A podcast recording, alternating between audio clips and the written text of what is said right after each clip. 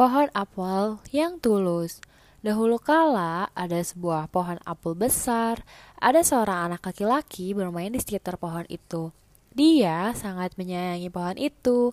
Pohon itu juga senang bermain bersamanya.